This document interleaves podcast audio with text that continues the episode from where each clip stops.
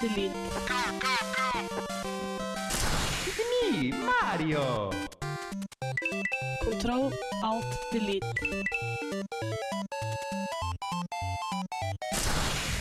Unable to comply.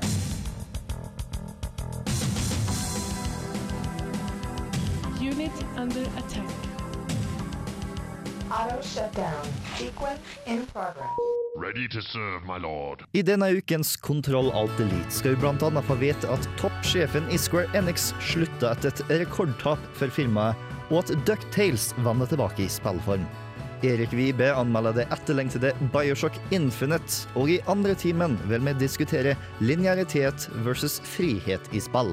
Men først skal vi få kose det med And the Birds av Light Heat.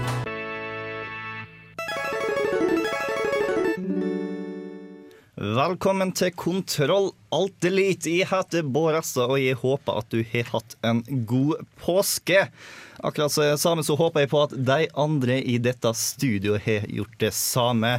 Eh, Jens Erik Fri som fuglen Våler, hvordan har Fri påsken som fuglen, ja. ja. Nei, påsken har vært eh, bra. Den har vært avslappet, men litt stressende. Mm, fordi at Fordi jeg bl.a. blant annet dro til eh, Sverige for å kikke litt på Battlefield 4, Mm. da det skulle bli annonsert for gamer.no. Uh, og fordi det ble veldig mye reising som fram og tilbake. Da. Så jeg har, jeg har hatt fem flyreiser på tre dager. Det tar litt på, altså. Når du må gjennom sånn x antall sikkerhetssjekker, og sånn, du blir skikkelig stressa av masse folk rundt deg. Ble du pro på det til slutt? Uh, jeg følte jeg ble litt pro på det. Jeg følte yeah. meg litt som George Clooney i up in the air. Yes. Um, men Følte du de japanske businessmennene? nei, det er veldig dårlig med japanske businessmenn eh, på Arlanda og Gardermoen. Eh, så det ble dårlig med det, men eh, jeg klarte i det minste å unngå de flightene som hadde bråkete babyer. Så det var greit. Yes. Eh, Sondre, den evige straightman. Rockvam, hvordan går det? Hvordan var påsken din?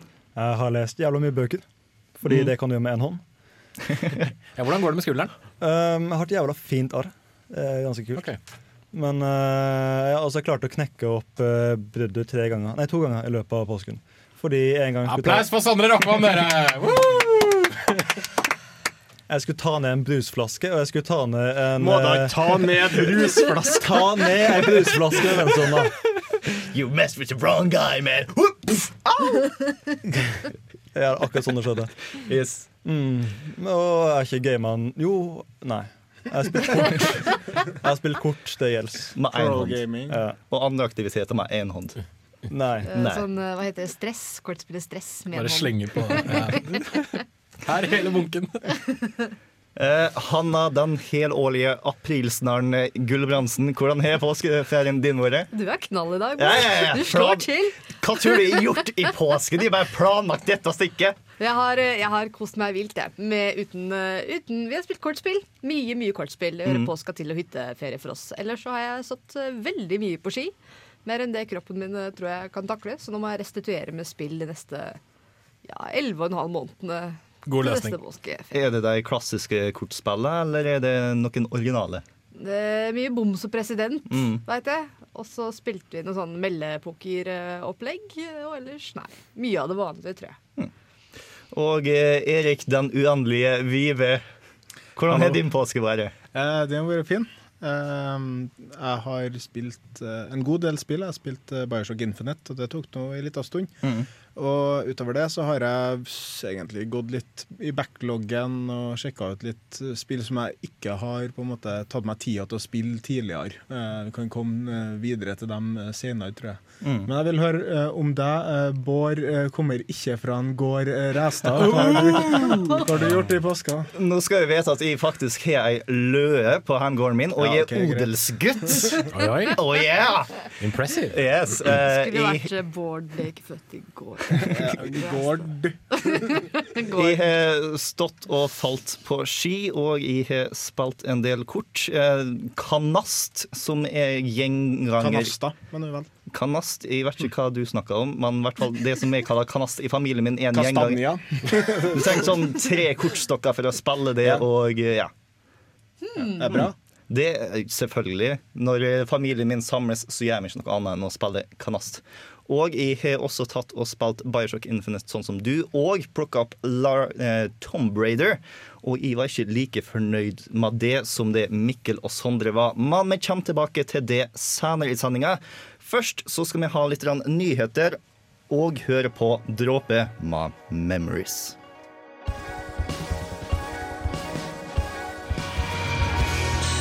Denne uken i Spillnytt.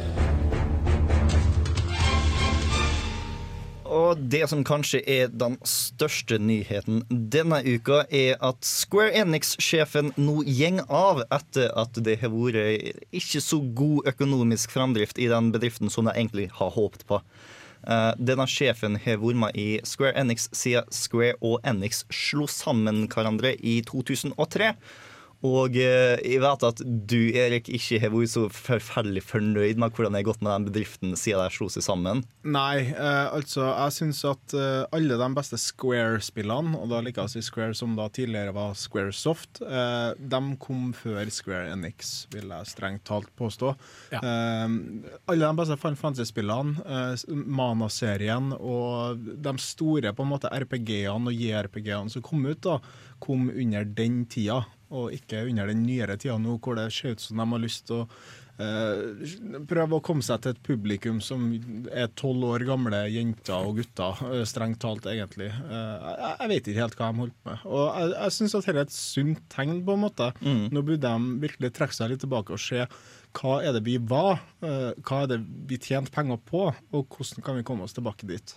Ja, eh, Forhåpentligvis så tar de ikke bare å bytte toppsjefen og tenker å fortsette på sine gamle måter. Forhåpentligvis så innser de at de har nødt til å endre seg lite grann. Og eh, de har egentlig veldig enorme forventninger til hva de vestlige spillene der skulle gjøre. De kjøpte som kjent Edios nå i 2009, og dermed ga de ut eh, Sleeping Dogs, Hitman og eh, Tomb Raider. Tomb Raider nå nylig. Og de forventa at de skulle selge så utrolig masse mer enn de egentlig gjorde. De forventa sånn fem-seks millioner ut av Tomb Raider, som er helt latterlig. Når du tar og selger én million spill, så gjør du det ganske så bra. Eh, Tomb Raider var oppe i tre millioner, noe som er veldig fint, men ikke fint nok for Square Enix. Så jeg tviler på at de tar av pengene de trengte for at de skulle være profitable, men det var fremdeles idiotisk av dem å forvente såpass masse. Kan det være at eh, JRPG-er ikke selger like godt som før? Og- Nino Kuni vil si hei og si Bortsett fra nei. Nino Kuni. Men altså. Store JRPG-er selger fortsatt kjempebra. Men, I hvert fall i eh, Japan. Ja, og, men markedet viser seg igjen og igjen og igjen å være på 3DS. Eh, det er det som er mye av problemet. Men hvis du skal slippe ut en JRPG på eh, en konsoll, så må den være stor. Og den må gjøres mye med, sånn som da Nino Kuni. Men vi har også gode nyheter fra Japan, og det er at eh, Capcom har bestemt seg for at de skal ta og remastere Ducktales.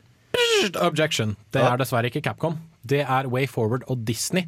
For Capcom har faktisk ikke eid Ducktales-navnet en god stund. skal okay. jeg si deg. Uh, men det var de som ga det ut originalt til Nesen og Gameboyen. Uh, men nå er det Disney som eier det. da Og Disney okay. har vel tenkt at eh, hei, dette kan vi tjene penger på, fordi Mm. nostalgi. Og det er jo det Disney gjør.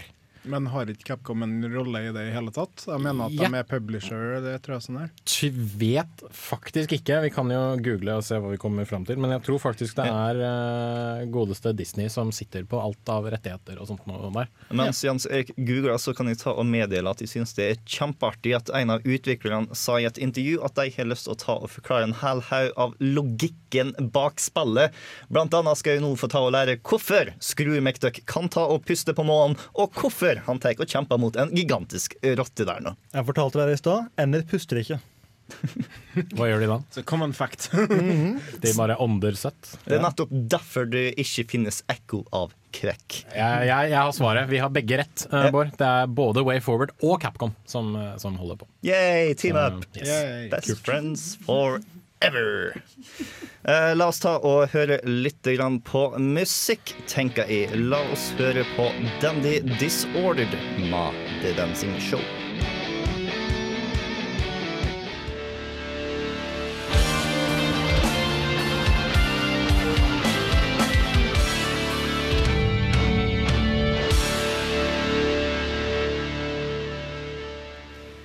Kickstarter er noe vi hører om nesten hver eneste uke. Fordi at noen helt andre prosjekter har lyst til å ta og få starta i gang og få penger uten noen grunn og ta og gi til folk.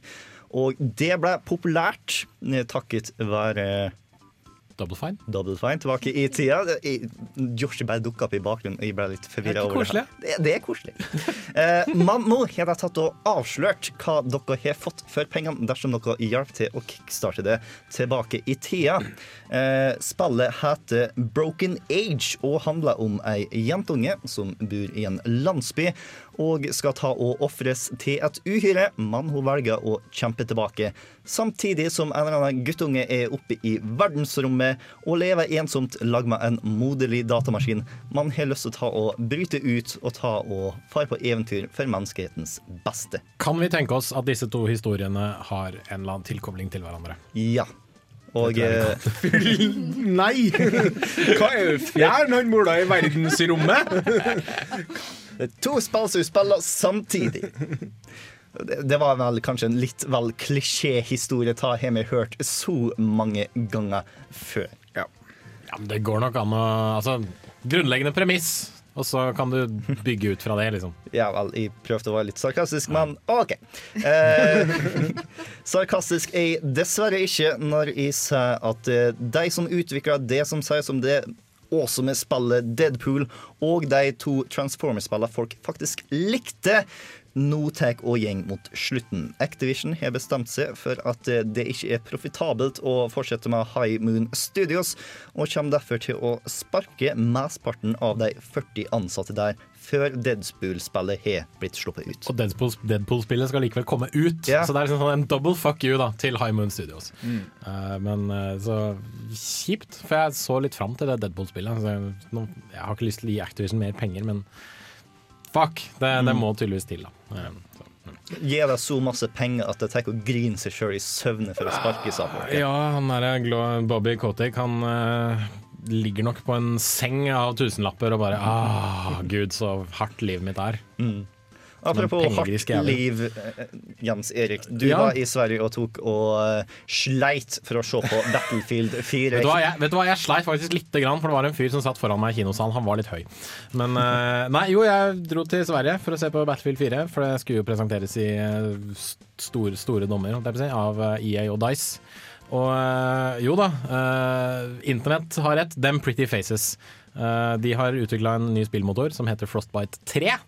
Som de sikkert kommer til å videreutvikle etter hvert. Og den eh, kan lage ganske pene omgivelser og veldig eh, ja, hva skal jeg si, veldig detaljerte og fine ansikter. Da. Eh, Det de viste fram var jo stort sett bare singleplayer-innhold, fordi det er sånn du viser fram en god spillmotor, uh, mener EA og Dice. Så alle ble litt sånn, eller ikke alle, da, men uh, internett som en sånn kollektiv uh, hjerne ble veldig skuffet da, over at det ikke viste noe multiplayer-innhold. Fordi Battlefield, som vi alle vet, handler jo selvfølgelig bare om multiplayer. Alltid, for alltid, evig og alltid. Ja, For det- det Hvis var... internettet blir skuffa, så må vi bare ta og stanse alt sammen og rette på det. Det var noen som snakka om at det var en ganske eh, De skulle ha satse litt på singleplayer i det spillet, var ikke sånn? Ja, de skal, de skal ta litt det som folk har sagt om singleplayer i Battlefield 3, ah, og på en måte friske det opp litt. da. De skal ha en De lover i hvert fall en litt sånn ja, emosjonell og gripende og fantastisk dramatisk historie om da dette laget på fire et sånn soldatlag på fire personer som skal eh, kjempe seg gjennom en eh, verden på randen av krig. da. Og så er det store eksplosjoner og Michael Bay-farger og blått og gult veldig ofte mot hverandre. Og et cover hvor du ser en kar gå mot. Ja, altså Ja. han kommer løpende mot deg, og så har han en pistol, eh, og så er han litt oransje på sida. Og så er det litt sånn fading, og så er det en overskrift, Battlefield 4. Yes, det stemmer. Eh, og så fikk vi sånn der, Vi fikk til og med Av alle ting så får journalister veldig sånn fæle um, ekstragreier av spillutgivere. Vi fikk dogtags der det sto 'prepare for battle', og 'for' var selvfølgelig med tallet fire. da. Yay. Ja, Yeah, fantastisk. ja. Eh, avslutningsvis så kan vi ta og eh, snakke litt sånn om The Phantom Pain, en trailer som ble vist nå på sist VGA, som eh, alle sammen tippa var Metal Gear Solid 5, og eh, surprise, surprise, det er Metal Gear Solid 5. For øvrig er også Metal Gear Solid Ground Zeros Metal Gear Solid 5, så Fordi Hidio Kojima. fordi Hideo Kojima, som nå har tatt og annonsert to spill som er ett spill, og ja, Hideo. Og det kan hende at han fremdeles holder på å tulle med oss, fordi at David Hater, eh, han som er kjent for å være stemmen til både Solid Snake og Naked Snake og Big Boss og uansett hva jeg vil kalle den, er ikke med i Metal Gear Solid 5. Han ble faktisk aldri spurt om han skulle ta og bli med. Kanskje, han ikke spiller, kanskje det ikke er en ordentlig Solid Snake i uh, Kanskje det. Kanskje det er Kojima som kødder med oss. Kanskje det er noen som har lyst til å gå en annen vei enn David Hater. Hva vet vi? Vi får bare følge med og se. Dere får også ta og følge med og se, fordi at vi vender straks tilbake med Erik sin anmeldelse av Bioshock Infinite. Men aller først så skal vi høre litt på The Deadline Shakes, my boy. Well, I cause you gotta be fast, yeah. Who can tell if you're gonna build it to last, yeah?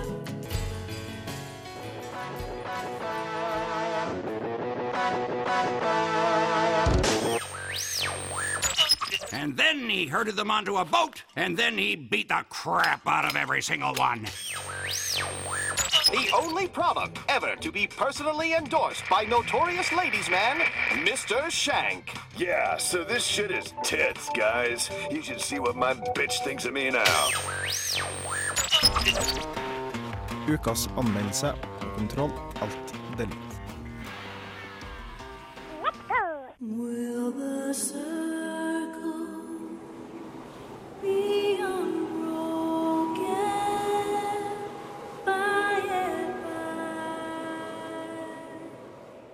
I løpet av få minutter ved starten av Bioshock Infinite befinner han seg langt opp i skyene. Høyere enn en skulle ha trodd har vært mulig på tidlig 1900-tall i byen Colombia.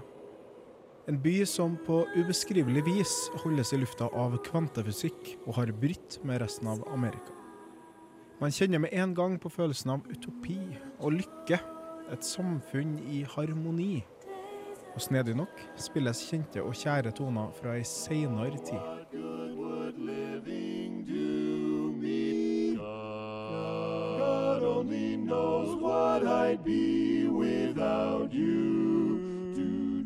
Bioshock Infinite er nummer tre i rekka av Bioshock-spill skapt av Irrational Games, og var et høyst etterlengta spill fra den kritikerroste spillserien som har blitt kjent for å ikke være som andre skytespill, med sine moralske valg, dype historier og utradisjonelle helte- og skurkeskikkelser.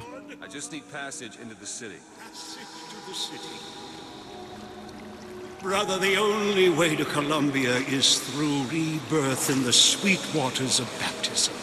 Will you be cleansed, brother?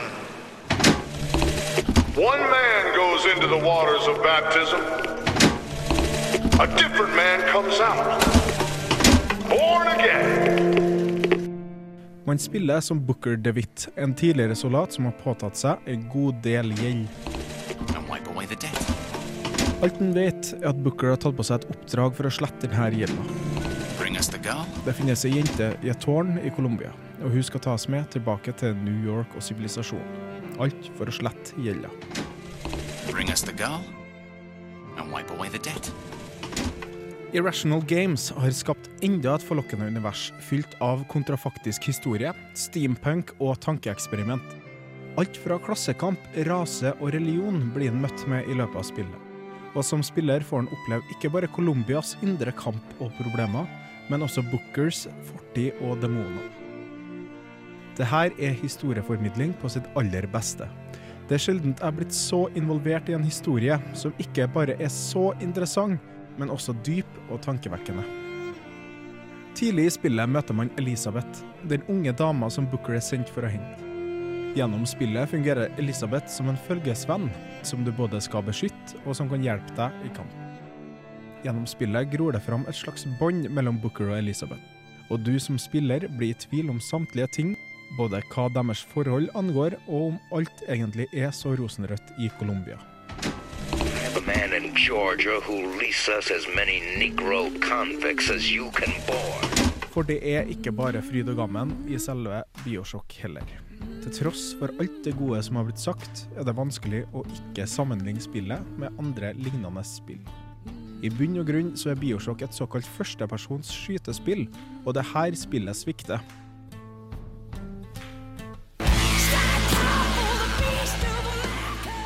Ingenting har forandra seg siden de to forrige spillene. Man har akkurat samme krefter, møter dumme fiender, og så har du egentlig ingenting å være redd for. I de tidligere spillene var en som spiller konstant redd for enten å møte på en Big Daddy eller Big Sister. De var store og skumle, og mye sterkere enn det, føltes det ut som. På ingen tidspunkt var jeg nervøs for å gå rundt hjørnet eller å møte fiender. Og så har vi Elisabeth, som er en fortreffelig karakter, men som klarer på mystisk vis å teleportere seg til akkurat den plassen jeg snudde meg til. Ofte. Noe som tok meg helt ut av selve opplevelsen. Hun skal være en menneskelig kompanjong, ikke en slags magisk fe som alltid er der, rett bak skuldra di. Men det er på ingen måte et dårlig spill heller.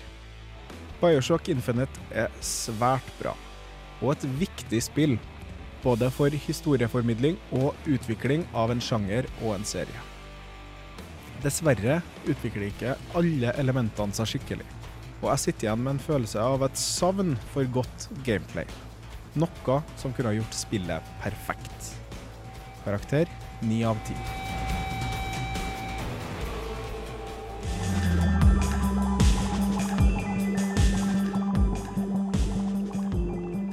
Jeg vet ikke hva som er best med den låta du nettopp hørte. Tittelen, som er kilometerteller, eller navnet på de som lagde den, som er Pistol og bart. Men før du hørte den eh, fantastiske tittellåta, så hørte du anmeldelsen av Bioshock Infinite av Erik Vibe, og der ga du det 9,0. Ja. Ni av ti. Ja. Solid karakter. Ja, veldig, veldig bra spill. Eh, Det er ikke det. Er bare at det kunne ha vært perfekt. Og det sto egentlig Det er en svak kne, vil jeg si. Mm. Eh, og da ikke altså, Hvis vi hadde enda flere desimaler enn vi bruker, så er det liksom 8,7 eller et eller annet tull. Jeg vet ikke. Jeg har spilt eh, Bioshock Infinite i EU, og jeg ville være litt snillere mot Bioshock enn det du er. I min mening så er Bioshock Infinite det spillet du har nødt til å slå for å bli Game of the Year i 2013. Ja, det er jeg veldig Mm. enig i, men eh, det, det, det er bare så frustrerende på en måte da, når et spill er så bra på så mange områder, og da liksom story og setting er de to beste tingene med spillet. Story, setting og lyd, vil jeg si. Uh, men andre plassene så er jeg bare sånn ah, Du er så nære. Jeg har ikke spilt uh, veldig mye av de tidligere Bioshock-spillene. Jeg har prøvd dem, men jeg har ikke spilt gjennom nok til å bli lei av gameplayen. Det her var bra for meg. Ja, jeg vil si nesten at hvis du ikke har prøvd noen tidligere Bioshock, kan du begynne her. Uh, Mm. det, det er kanskje noen referanser du ikke kommer til å ta, men De blir ikke ødelegge spillet for meg. Nei. Nei, for liksom Det som var eh, kritikken din, var ikke det at gameplay var dårlig, men det at gameplay ikke har forandra seg siden 2007. Ja, det virker som de har fokusert på story og visuals og liksom setting, eh, og ikke egentlig tenkt noe mye på at vi er jo faktisk et FPS-spill. Eh, la oss gjøre noe med hele delen av spillet òg. Det er jo bare så så mye de kan gjøre, også da hvor du, i et spill hvor du har et våpen i den ene hånda, og så har du en magiting i den andre hånda. Og i hvert fall, altså Jeg har spilt både Bioshock 1 og Bioshock 2. I Bioshock 1 så bytta du mellom dem. Det var veldig clunky og veldig dårlig. I Bioshock 2 så kunne du bruke dem begge samtidig. Og jeg føler at det er kanskje ikke så enkelt å på en måte gå Ops, unnskyld, nå driver jeg og fikler med ledninger. Det er kanskje ikke så veldig enkelt å gå enda flere skritt videre enn det. da Du har kanskje liksom toppa deg selv veldig tidlig i, spillserien, kanskje? altså, jeg tenkte med en gang så tenkte jeg på Bulletstorm. Hvor jævla mm. kult det føltes å bruke den pisken som var der. Og så tenkte jeg på bare Skyrim, som har et likedan system hvor du har ei hånd som er aktiv med magi, og ei hvor du har et våpen. Hvis du velger. Hvis du velger sånn, ja. Og øh, jeg syns bare det fungerte bedre. De kunne Mm. også gitt meg tohåndsvåpen istedenfor at jeg har bare ei hånd på våpen hele tida og sånne ting. Jeg syns bare det ble øh, De la ikke noe i det, så syns jeg. Det ble bare liksom Ja, vi lar det være sånn. Hvordan er det med våpnene, da? Det er greit. Jeg brukte liksom ei rifle og en shotgun noen gang, og så en pistol. Og det fantes kanskje seks andre våpen, men det var liksom øh, variasjoner av de standardvåpnene. da, Sniper, rifle, repeater ja, og sånt. Jeg er litt uenig med Erik egentlig der nå, fordi at jeg syns ikke at det er så viktig å ta og ha banebrytende gameplay hele tida. Jeg syns at dette var veldig solid gameplay, og eh, jeg Det var greit. Ja.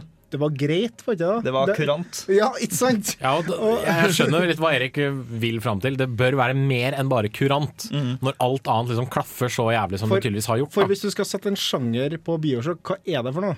Det er en FPS, men det er så historiefokusert at jeg tilgir eh, alt det mangel på banebrytende gameplay. For jeg synes at dersom du har lyst til å fokusere ekstremt masse på historie, så skal du ha lov til det. Det er som å ta og si vel, denne filmen var fantastisk eh, god historie i, men klippeteknikken brakte ikke noe nytt. Cinematografien var kjedelig. Ja, men sånn som jeg Litt forskjell på klippeteknikk i en film og gameplay i et dataspill, for så vidt. Ja, ja. Men når du ikke er teknisk nybrytende i en film, og ikke teknisk nybrytende i et spill, så synes jeg at det er litt for lik linje, egentlig.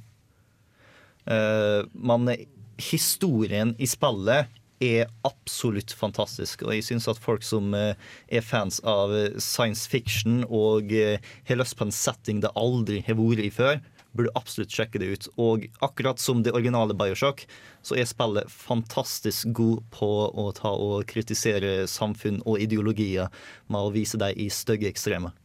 Mener du da at spillet skal ha en tier? Hvis ikke det liksom kan nå Jeg, jeg mener ikke at det skal ha en tier, Ok, Nei, jeg trodde det var det du argumenterte for. Nei, nei, nei. Jeg, jeg synes at det er mer sånn 9,5, men 10 har jeg ikke gitt til spillet her. Denne. Hvorfor ikke? Fordi at det ikke er en tier. Men kanskje hun trekker det It's like true love, man! Det er ikke Super Mario Galaxy. det, når det er en tier, så vet du at det er en tier. Og eh, for Og en tier er individuell. Ja. For noen der ute så er Bioshock Infinite en tier, og for de som i hvert fall liker historie i spill, så burde de absolutt ta og plukke opp Bioshock Infinite. Men eh, nå skal vi ta og bevege oss litt videre her i programmet. Vi skal ta og snakke om aprilsnarrer som har skjedd i spillmiljøet.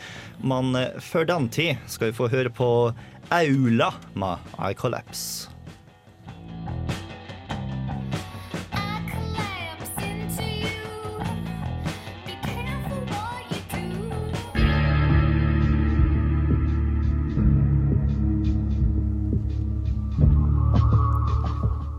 Starten av april er alltids, alltids artig. På grunn av 1. april og av folk som har altfor masse penger og får altfor masse oppmerksomhet, som benytter seg av den oppmerksomheten og pengene til å gjøre noe artig for oss.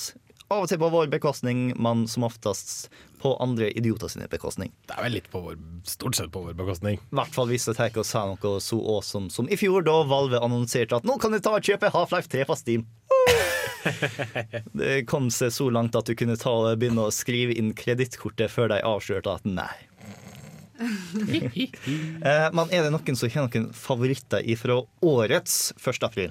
Ja, eh, jeg liker veldig enkle aprilsnarrer, egentlig. Eh, Bare sånn her Du skal ikke merke det, du skal ikke tenke over at det er en aprilsnarr. Det skal være bare veldig, veldig sånn her subtilt. Og når jeg får inn på eh, ei side som heter shoryuken.com, som er da sida for diverse fighting-spill, så så jeg at Ultimate Marvel vs. Cap Capcom får seg en patch. Og jeg ble kjempeglad sammen med en haug med andre for at det spillet trenger en patch. Før jeg kom på at ei, det er 1. april. Herre er seriøst, herre er tull. Det, det er en patch. Fikk du med deg Capcom sin super duper Ja. Street Fighter eh, Super 4 duper Arcade Street Edition? Fighter 4 Arcade Edition med supermeter og dupermeter. Yes. Super duper wins! ja, super duper KOs. Men uh, de hadde også, uh, før den der patchen til um, Ultimate Marvel vs. Capcom, så hadde de også eh, da skrevet en artikkel om at eh, Street Fighter vs. SNK skulle ha kommet som en launch-tittel på PlayStation 4. Og det ble nesten enda mer raging om det enn det ble denne patchen til Ultimate Marvel. da. Så de to likte jeg veldig godt. Jeg liker å føle meg som en virkelig idiot når jeg blir tatt en ordentlig god pillesnarr på. At jeg skal være skuffa over meg sjøl ettertid, og det har jeg ikke opplevd i år. Eh, Jeg husker, Det var ikke i fjor, men for noen år siden. Jeg husker ikke hva det var engang. Bare- Det var så flaut at jeg måtte legge alt til side. Men eh, det eneste jeg oppdaga i år som jeg syntes var litt artig, det var det med det flyet som skulle ha glassbunn. Og jeg har flydd en del i småfly, så jeg tenkte å ja, det her er jo ganske gjennomførbart. Ja, men det her skjedde da um, jeg våkna tirsdag, og da lå bildet fortsatt ute på nettet. Og da, da sånn jeg så det da, Så det var ikke aprilsnarr. Det var sånn her, Å ja, det er jo så stilig ut. Første kommentar. Å ja, det her var en aprilspøk. Ah, faen. Nei, jeg fant ut at uh, Jeg ble litt sånn paff, og så måtte jeg tenke litt over jeg, hvilken dato det var. Da jeg fant ut at Journey skulle få uh, Rocket Deathmatch DLC. Og så var det sånn, vent litt, det er 1. april. Og ikke bare det, men altså Journey og raketter. Jo da, det hadde sikkert vært dritgøy, men det passer liksom ikke helt sammen. Da. Det, det, det, er, det er litt feil. Det syns jeg var veldig morsomt. Og så var det også noen som mente at du kunne få en uh, creeper-pute, blant annet. En liten sånn ting som kunne sitte i sofaen din. Og så kunne du få kjøpe en liten sånn Beamo-skjerm fra Adventure Time som du kunne spille dataspill på. Kjempegøy. De har betalt gode penger for en Beamo-skjerm. Ja, Altså. selvfølgelig. Det hadde alle som sitter og ser på Adventure Time gjort. Eh, en av favorittene mine var en, en kar som tok en, eh, en Nintendo Direct-video hvor eh, Iwata snakka på japansk og la på nye undertitler. Hvor de tok og annonserte Super-VU, som var seks ganger så stor som VU-en. Den kunne ta og gi strøm til TV-en din, og den kunne ta og takle fire gamepads og alt mulig rart. Og eh, måten han fikk til å time alle ordene måten Ivata oppførte seg på, var bare fantastisk artig å se på. Ah, internett. Hva skulle vi gjort uten deg? Eh, dersom du har lyst å ta og sjekke ut eh, alle de morsomme aprilspøkene som har vært her omkring på nettet, så kan du ta og sjekke ut IGNs sin eh, wiki, som jeg tar og legger ut en link til i artikkelen vår på dusken.no slash radio. Nå skal vi høre Oi, nå har noe helt ordentlig artig navn. La oss prøve å se om vi klarer å uttale det. Waxahachie. Waxahachie. Waxahachie. My Brother Brian skal du nå høre. I said to you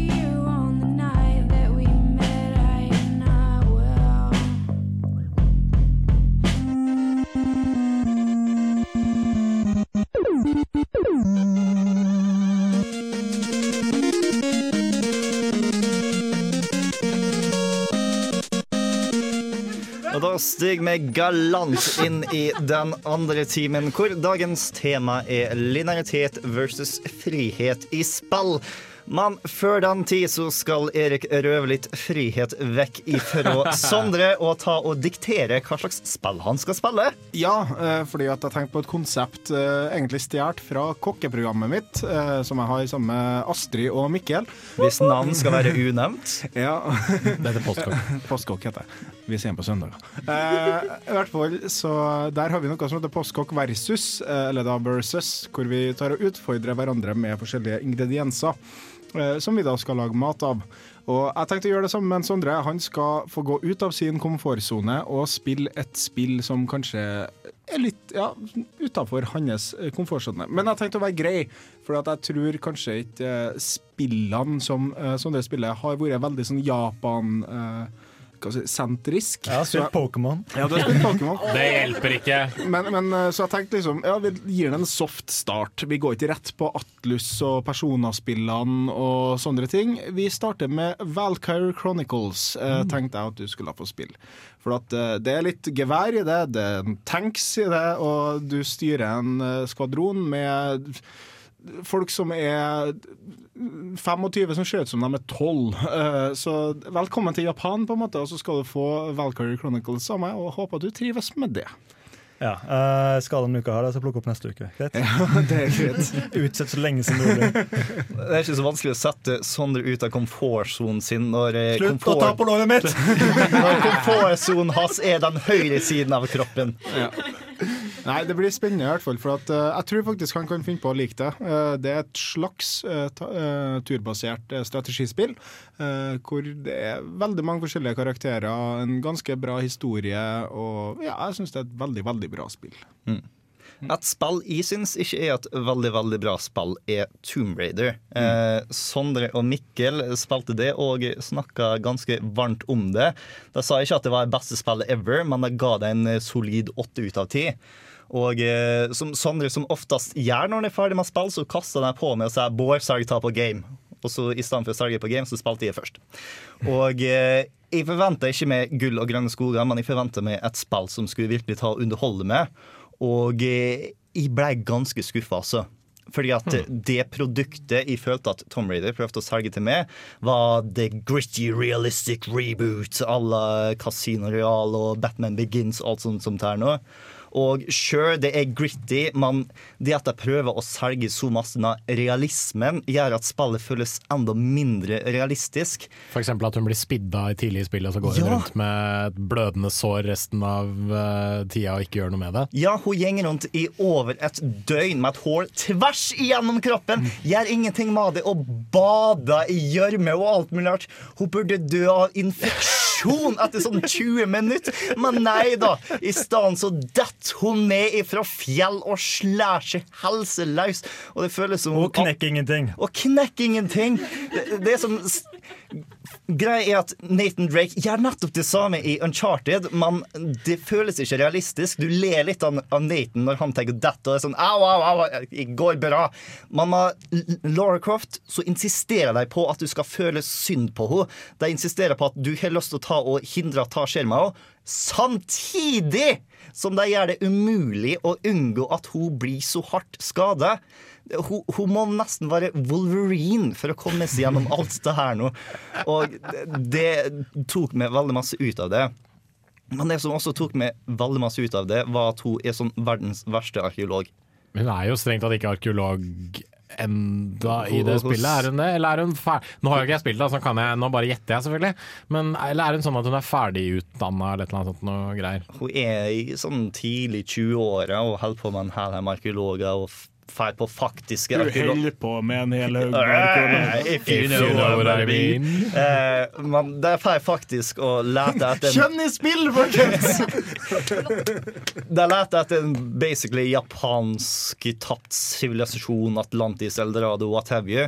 Og de finner den, heldigvis takket være Lara Croft, og sier hei, la oss ta og kjære den andre veien hvor ingen andre for. Oi, det burde vi tenkt på før. Og så drar vi dit, og så kommer vi oss ikke av denne øya.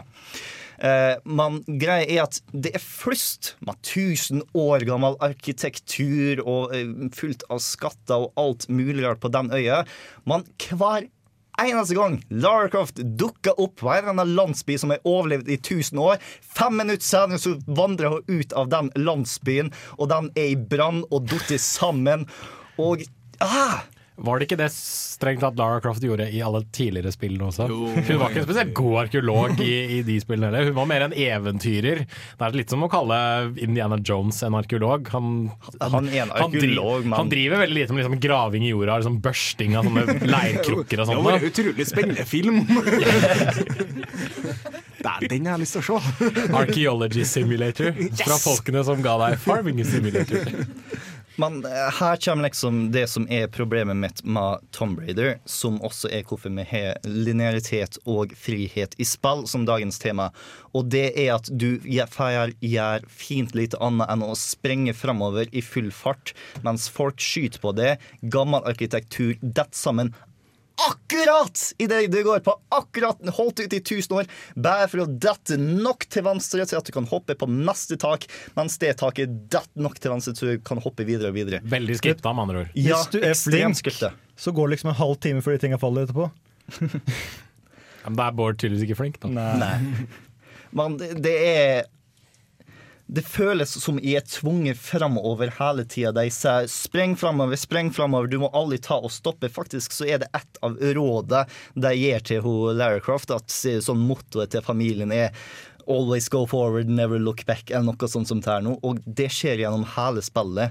Du kan av og til stanse for å ta og lete etter skatter eller noe sånt som det er nå. Og de får tombsa, hvor du faktisk får litt mental utfordring. Alle de er optional. Du er ikke nødt til å ta og prøve noen puzzles med mindre du virkelig vil. Og eh, alle de puzzlene og den sprenging framover får meg til å føle som om spillet tror jeg er en idiot. For hvis ikke jeg har klart puzzlet innen ett og et halvt minutt, så er det sånn Du, du vet at hvis du trykker på R2, så kan vi ta og vise det svaret. Og Eh, Spilte du på normal? jeg spilte på normal. Jeg spiller alltid på så på spiller normal. du på hard, så får du ikke noe tips, og da var det faktisk litt vanskelig. Ok, well, Det burde jeg ha gjort før jeg gikk meg lei av spillet. Her er en eh, ganske mind-blowing avsløring til deg, Bård. De aller fleste dataspill som gis ut nå for tiden, tror faktisk at jo da, du er en idiot. Ja. Eh, Det burde jo være et faktum, egentlig.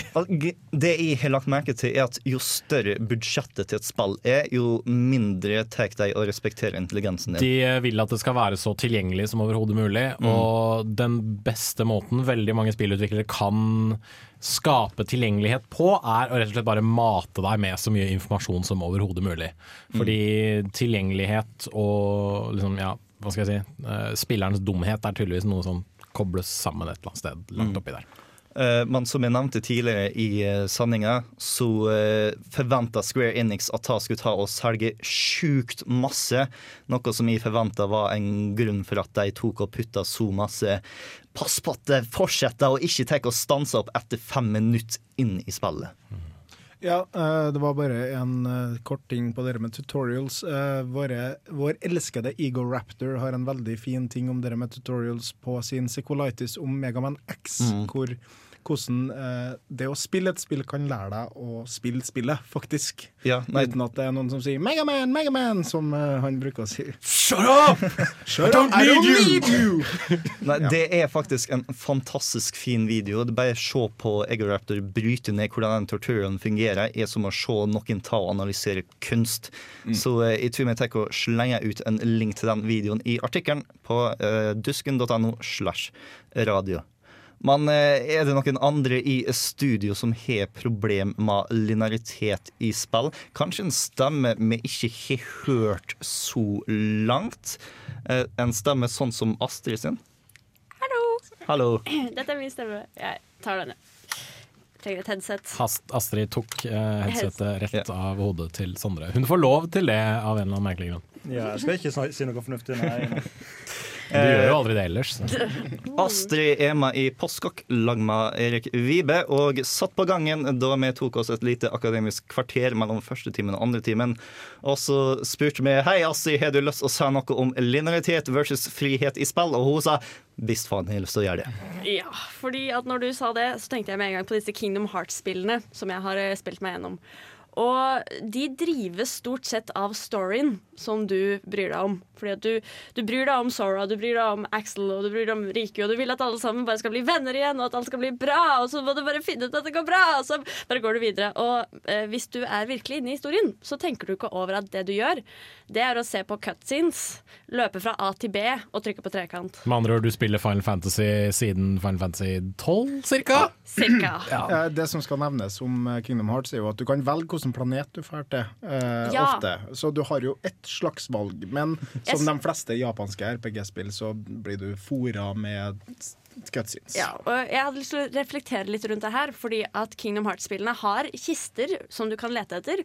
Og de har skatter, og du, det er sånne Trinity-greier, så hvis du finner de, så, så ja, Nå kan du låse opp blå Trinities. Hvis du finner den, så får du en morsom liten sånn eh, kutt der hvor Donald Langbein og Sora hopper opp på hverandre og når nye høyder, og så kan de finne en ekstra kiste. Yay! Eh, så det er litt, litt gøy, men det, det gir deg ikke noe bonus i resten av spillet. Og du kan dra til hvilken som helst planet, men det er ikke noe som skjer der.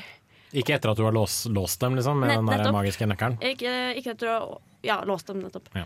Uh, og, og, og ja, banene. De er sånn at det er en vei gjennom skogen. Du kan ikke gå ut mellom trærne og liksom traske litt på siden av banen. Altså, nei, nei, det er en stor busk der, og du kan ikke gå gjennom busken. Du kan ta og drepe flere tusen av fiender, men busker Nei da, du! Du må være gæren. I, ja, ikke sant. Og det, det frustrerte jeg meg over gang på gang på gang. Og det blir da den ekstreme forskjell, eller motparten til f.eks. Skyrim, Mm. der du kan gjøre hva som helst. Nesten. Nesten. Nesten. du kan ikke klatre opp fjell med mindre du går opp en Ja, du, Stort sett. Du slår Du break the game for å komme deg dit. Og sånne ting. Eller mods. Ja. Ja, mods, ja, mods. Men unnskyld meg, snakker du om linearitet? OK, nei, du kan ikke klatre opp en loddrett vegg. Men, men er det det du skal liksom For linearitet for meg er litt sånn valgfølelsen, og at du kan gå hvor du vil hen, men Nei, eh, jeg vil Nei, vi fortsatt kalle klager ikke på at vi kan, ikke kan klatre opp loddrette vegger. Jeg leste en gang en spillanmeldelse der en fyr klagde på hvor lineære nivåene var, fordi du ikke kunne hoppe over bilene i en parkeringsplass. Så når det kommer til liksom spillkritikk, i anførselstegn, så finner folk de, mest, altså de, liksom, de minste små irriterende ting som egentlig ingen andre ville tenkt så veldig mye på, og det kommer de til å klage på rent spesifikt. Eh, jeg har en sånn her eh, liten sånn pet peeve for tida som har noe Det er et konsept jeg liker å kalle gamers choice, eh, som mer eller mindre er spill som gir deg valgmuligheter som ikke teller. Hmm. Bioshock gir deg bevisst det. Altså, hele poenget er at det teller ikke. Og det var greit. Du tok valg. Du eksempel gitt et smykke til hun Elisabeth. Du trodde kanskje det kom til å bety noe, men det gjør ikke det. Og, Spoiler! Ja, ja, unnskyld, du gir et smykke til ei dame i et spill, og det betyr ikke noe. Nei, men uansett, da. Story of eh, my life. ja, uansett. eh, det er flere spill som gjør det her på forskjellige måter. Du blir eh, gitt et valg, du velger det ene eller det andre. Og du tenker over det, du tenker virkelig over det, liksom. Men i det store og det hele så teller ikke. Det teller ikke i hele tatt. Og jeg blir så frustrert over et spill som liksom I det her spillet så er valg. Det er masse valg, men det teller ikke. For at Mass Effect starta denne bølgen, føler jeg. i hvert fall Mass Effect 1, liksom, Nå er det veldig viktig med valg i spill. Og Fallout og sånne spill kom liksom også Eller Fallout var sånn cirka samtidig. Men i hvert fall valg ble en ting i spill. da Og jeg føler at dem som skal hoppe på den bandwagonen uten å faktisk gi deg valg som teller, bare drit i det. Fortell meg historien deres, og sats på at den er bra nok. Det er min liksom ting. Jeg er enig i at valg som faktisk har konsekvenser senere i spillet, er bedre valg enn de uten konsekvenser. Men jeg vil ikke si at de konsekvensløse valgene er elendige og unødvendige, fordi at de har noe på hvordan du opplever spillet. Du har nødt til å stoppe opp på et veiskille og gjøre et bestemt valg inni ditt eget hode og finne ut hva slags person du har lyst til å være i dette spillet. Om det er den personen som gir eh, fuglesmykke eller bursmykke til Elisabeth, jeg vet ikke hvor stor forskjell det er på det, men eh, av og til så er det sånne valg som virkelig viser hva slags person du er. Og det syns jeg er interessant. Jeg er enig med dere begge to, fordi jeg vil gjerne ha valg som får konsekvenser. Men det trenger ikke å være sånn fem eller seks forskjellige avslutninger på spillet. Det er, ikke, det er ikke det som er greia, men du vil gjerne se gjennom spillet at folk reagerer på det annerledes, f.eks. Eller jeg hadde det, det koste meg så vilt med Walking Dead. Jeg synes det var en glitrende måte Man trenger ikke så ekstremt mange alternativer og store variabler, men at liksom folk behandler deg litt annerledes da, eller bruker andre ord, eller ja. Men, men jeg vil i hvert fall se en reaksjon. Det er jeg enig med Erik på. Jeg har en litt annen følelse det med frihet og linearitet. Jeg har det at jeg har lyst til å ha mine handlinger. Jeg bryr meg ikke så veldig mye om eh, Jeg skjønner at de kan ikke ta og legge valg til alle mulige ting jeg kan si til en person. Det skjønner jeg veldig godt, fordi da trenger du en person på andre sida. Men jeg liker virkelig ikke f.eks. hvis skytespill eller hvordan som helst spill har en bygning, og istedenfor da lage f.eks. en etasje opp til eh, en, ja, Lage en trapp opp til etasjen over, så setter de et kommode der som ikke helt dekker foran trappa, men den liksom den viser da kan ikke gå dit. Det er sånne ting som for meg av og til breaker, fordi jeg, ikke, jeg vet ikke hvor jeg skal. Men jeg kan springe inn i et rom, jeg kan springe gjennom, og så plutselig så ser jeg OK, det er én vei å gå her. Hadde den kommoden ikke stått der, og jeg ikke hadde spilt spill før, så hadde jeg mest sannsynlig gått opp dit, fordi da kan jeg fått et bedre oversikt over området først. Og det er sånne her ting som for meg ødelegger linearitet i, nei, friheten i spill. Det er det at de små tinga jeg ikke kan gjøre fysisk i, for, som når det handler. Mm. Så du kunne tenkt deg å dytte den kommoden unna og gått inn på rommet? på en måte? Ja, gått inn på rommet. Det kunne godt vært ingenting der. Det kunne godt bare vært utsikt, eller bare klistra et tomt rom. Eller slik som det var i Silent Hill. Et, eller et, mange steder du kan gå inn som egentlig har ikke noe effekt. Mm, Golden Eye var veldig flink med. Ja. Hadde, tomme lagerrom og sånne ting, bare fordi at det er det i enkelte bygninger. Ja, det, det finnes det også sjøl i en virtuell verden. Nå må jeg si meg litt enig med, med noe av det Sondre sier. At det er, det er latterlig at de setter en trapp der og så sier at vet du hva, her skal du ikke få lov til å gå, du kan like gjerne sette en vegg over det. Men jeg tror du, Erik, kanskje blander altså, valg, altså linearitet og åpen verden med liksom altså, Ja, ja, nei, Dette var egentlig bare en tern, altså en, en liten sånn her Digresjon? Ja, Ja, ok. fordi at uh, jeg, jeg liker ikke de typene spill som har lyst til å prøve å gi valg uten at de teller, på Mm. noen slags måte, på en måte. Uh, altså, Det er en ting jeg har hengt meg opp i i det siste. Uh, Bioshock minte meg på det, men med Bioshock så er et, uh, det er et valg av utviklerne å gi deg valg. På en måte. Mens andre spill bare liksom Her skal vi få et valg. I det store og det hele teller ikke. Det er ingenting som kommer til å for, øh, øh, være annerledes. Og det har egentlig ikke noe med øh, utvikling av karakter å gjøre heller. Jeg syns ikke, ikke det er på jordet med det. Fordi linearitet er, det er en illusjon. Altså, linearitet er noe som du, du føler at du har begrensninger, eller noe sånt. Og jeg føler også at det å gjøre valg i spill kan bidra til følelsen av at her har jeg full frihet. Her er det noe som jeg er med på å gå steder eller gjøre ting som ikke nødvendigvis er satt for meg. Så jeg føler det, det er et element som hjelper til på følelsen da, med at du har frihet i spill. Det vil jeg jo si. Det skjønner jeg, men samtidig så sitter jeg også og tenker at for 15 år siden så hadde vi ikke hatt denne diskusjonen. Fordi for 15 år siden så hadde vi ikke Da var det sånn derre Å, dette spillet må være åpen verden og bla, bla, bla. Og noen spill mener jeg burde ikke ha en Kall det en sandbox-modus, da. Ta LA Noir, for eksempel. Et Rockstar-produsert, uh, Bondi Studios-utviklet uh, spill som har en åpen verden som du kan kjøre rundt i og oppdage landemerker og, etc., et cetera, et cetera. Men det har ingenting å gjøre med å være altså det, det trenger ikke være en åpen verden der. Det trenger ikke være en sandkasse. Uh, fordi det er et såpass historiedrevet spill hvor du stort sett bare reiser fra, uh, fra uh, hva skal jeg si, Åsted til åsted åsted. til åsted, rett og slett. Og intervjuer folk. Du ser etter bevis etc., etc. Og så drar du videre til neste sted. Og så intervjuer du noen flere og holder avhør og sånne ting. Det er litt det jeg mener. At, og linearitet er ikke skadelig, som så mange tydeligvis skal ha det til. Jeg sier ikke at du, du skal ha det til på den måten, men eh, det, det, det er liksom ja, begrensninger, da, balanse etc. Ja, og når vi snakker om balanse, så vil jeg bare ta fram et godt eksempel på et spill jeg syns har fantastisk balanse i det her, og det er Ratchet Clank-serien. Og spesielt eh, treeren. Det er ikke noen her som har spilt det? No. Massevis av eh, ristende hode i dette studiet. Alt du sier nå, blir godtatt. Å, fy fader, altså. Nei, men det ah, nei, PlayStation 2-serie, som jeg syns forgudet, egentlig, og fortsatt forguder, de er, de er veldig bra. Og spesielt treeren med Dr. Nefarious. Og de har masse sånne morsomme supervillains og en superhelt som er helt derp. Han er idiot. Men Og du er liksom den lille mekanikeren som slår deg opp og redder verden med den lille feilproduserte roboten som er supersmart. Og så, og så redder dere alle planetene, da. Uh, ja. Nei, ja, dere har ikke spilt det? Fy faen, altså. Uansett! Når det gjelder linearitet og sånn. Du reiser fra planet til planet og redder den sånn litt, eller gjør noe der, da. Gjør noe spesielt der. Uh, men da jeg satt og spilte og var en liten tenåring, så um, så likte jeg jo bare utforske verdenene og hoppe fra sted til sted. Og og kunne hoppe på den hyllen og videre og videre. Og så var det eksempel et sted jeg slet skikkelig med. Og bare nei, det er en kant der, jeg skal kunne gå på den. Det skal kunne gå på den. Og så klarte jeg det til slutt. Og på andre siden så fant jeg en titaniumbolt. Som er sånn superbra ting du får i spillet. Da, som sånn belønning ganger ti. Og jeg ble så glad, fordi at de hadde gitt meg en sånn utfordring og, og liksom gitt et bitte lite hint om at du kan kanskje få til dette hvis du prøver skikkelig hardt. Og så, og så fikk jeg en titaniumbolt. Og da, ja. Det var et veldig fint øyeblikk. Ja, det er godt spilldesign og er alltids å ha en belønning i blindveie. Mm.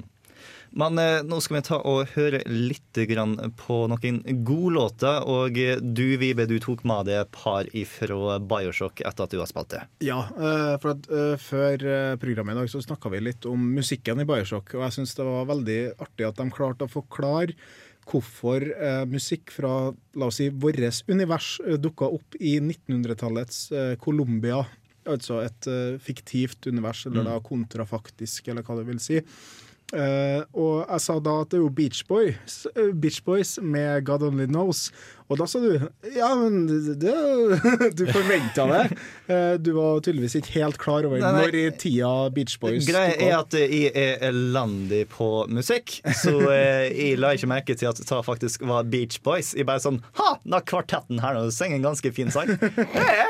Men ja, det er da Beach Boys eh, med Jeg tror det er Pet eh, Eh, albumet heter. mm. Om jeg ikke tar helt feil. I hvert fall en nydelig låt. Ja. Og du møter da ganske fort en eh, The Gayest Quartet in Colombia.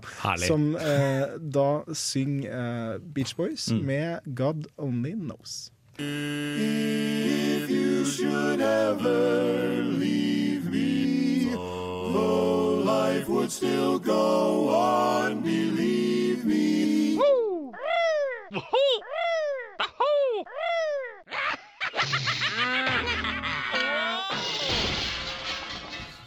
Ja, eh, jeg, vil- jeg ville bare skyte inn en ting som jeg ikke rakk før sangen. Ikke om eh, sangen, og her er en sang, ikke en Yes! låt. Ta den, Mikkel! Men derfor eh, Jeg vil sette grense Eller jeg vil Vi, vi, vi snakka om to forskjellige ting uten at vi på en måte visste at vi snakka om to forskjellige ting, føler jeg, mm. forrige, forrige, før sangen.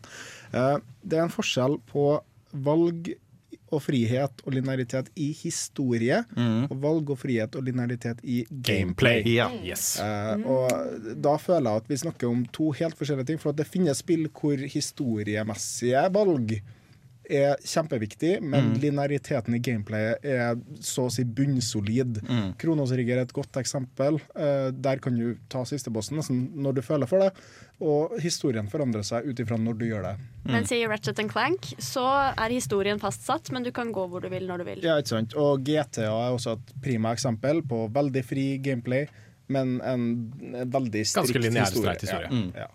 Så, eh, og Skyrim også akkurat samme. Hvis du gjør story uh, Eller der er egentlig begge, begge ganske fritt, for at du har Ja. ganske store valg òg. Du har så mange sidequests at eh, du, du velger hva slags type historie du skal ha sjøl, dersom Ja. du ikke har lyst til å ta og slåss mot drager. mot dem mot dem. Og, Ja. ja. Jeg har, spilt, jeg har spilt 50 timer Skyrim. Jeg har ikke kommet halvveis i storyen engang. Nei, men Det var helt grusomt, at jeg gjorde feil på et oppdrag, og så døde makkeren min. Og jeg leste på internett at du kunne gjøre det sånn at du ikke, han ikke døde. Og det var helt grusomt. Ja, sånn er det i sånn er det i Mass Effect. Og så lagret jeg!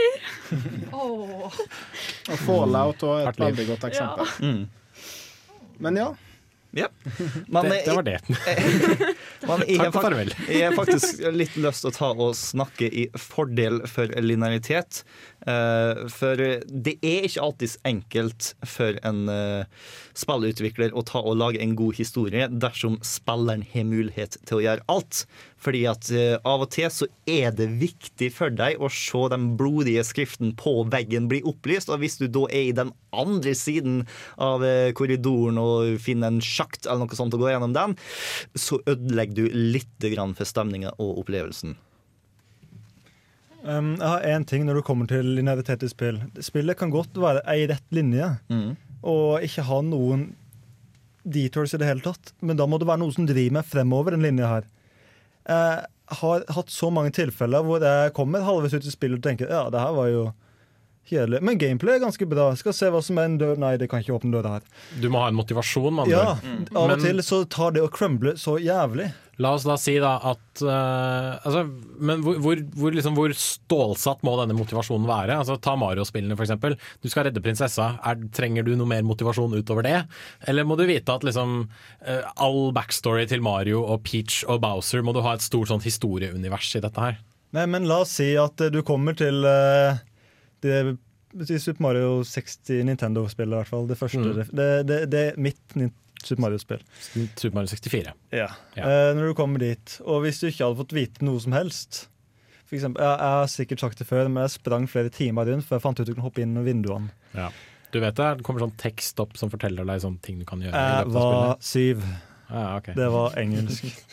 Og da var det fortsatt en grunn for meg til å spille, fordi det spillet her var såpass eh, stort på den måten at når jeg spilte det, så var det det største spillet jeg hadde spilt. Og jeg kunne gjøre så fantastisk mye. Jeg kunne leke rundt, og jeg fant ut at hvis jeg tok og skada meg sjøl, kunne jeg hoppe, hoppe ut i vannet, gå opp til overflaten, og så ble- fikk jeg fullt liv igjen. Det var masse ting jeg kunne ha underholdning for da jeg var sju år gammel. Jeg tviler på at det hadde hjulpet meg veldig mye akkurat at jeg hadde spilt det spillet her like lenge i dag, hvis jeg ikke hadde funnet ut, funnet ut at du kunne hoppe inn vinduene, men uh, Nå kan du heldigvis engelsk. Wow. Nei, nei. Får håpe det, får håpe det i hvert fall. Mm, men jeg trenger ja, For eksempel, Der var det motivasjon fordi det var artig å spille Super Mario eh, 1964. Det var helt ærlig artig. Det var gøy å springe rundt som en tulling her. Og det er flere andre tilfeller hvor du ikke har noe motivasjon i det hele tatt. Det er ikke artig. Det skal være en god historie, men historien er ikke spesielt god. Og, Har du noen eksempler?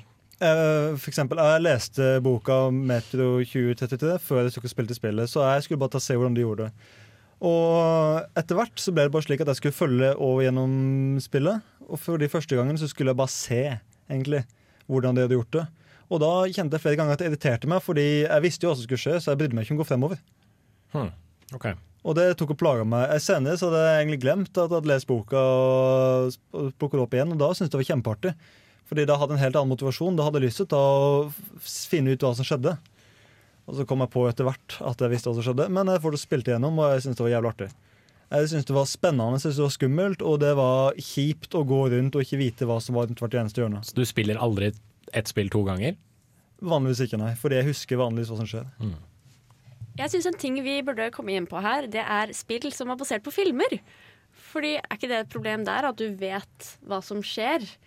Men, De er, de er generelt ikke bra. Det, nei, nei, det, det, det, kommer, det kommer an på spillet. Jeg vil gjerne forsvare Spiderman 2. jeg vil bare Og Back to the Jeg vil Future bare- av Telltale. Fuck yes. Mm. Jeg vil bare si at min generelle innstilling er hold deg unna spill basert på filmer. Ja, det Langt er unna. jeg enig i. Vi med hender. eh, med unntaket av Harry Potter 1 til PlayStation 1. Det var faktisk Bedre på PC. Vi har mine de ordene stifta på veggen her nå i Kontroll Alt Elite Studio.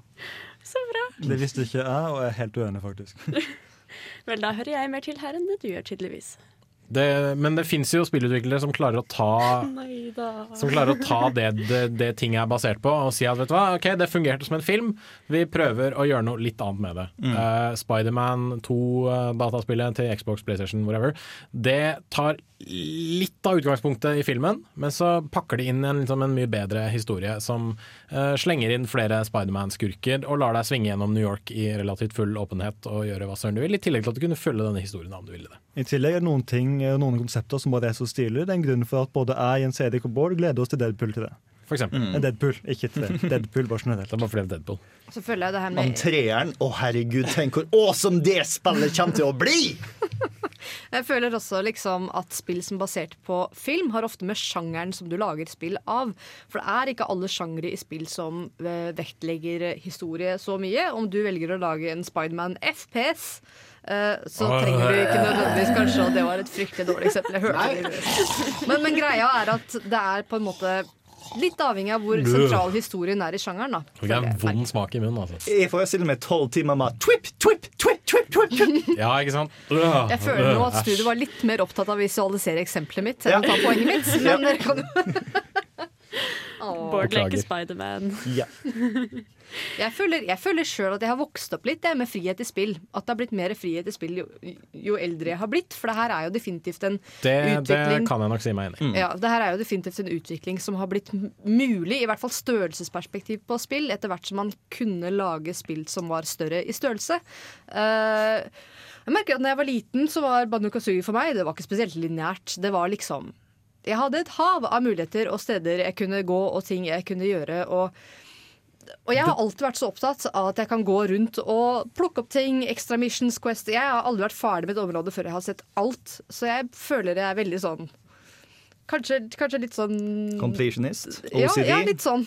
At jeg kanskje ikke merker så mye linearitet som veldig mange andre spillere gjør.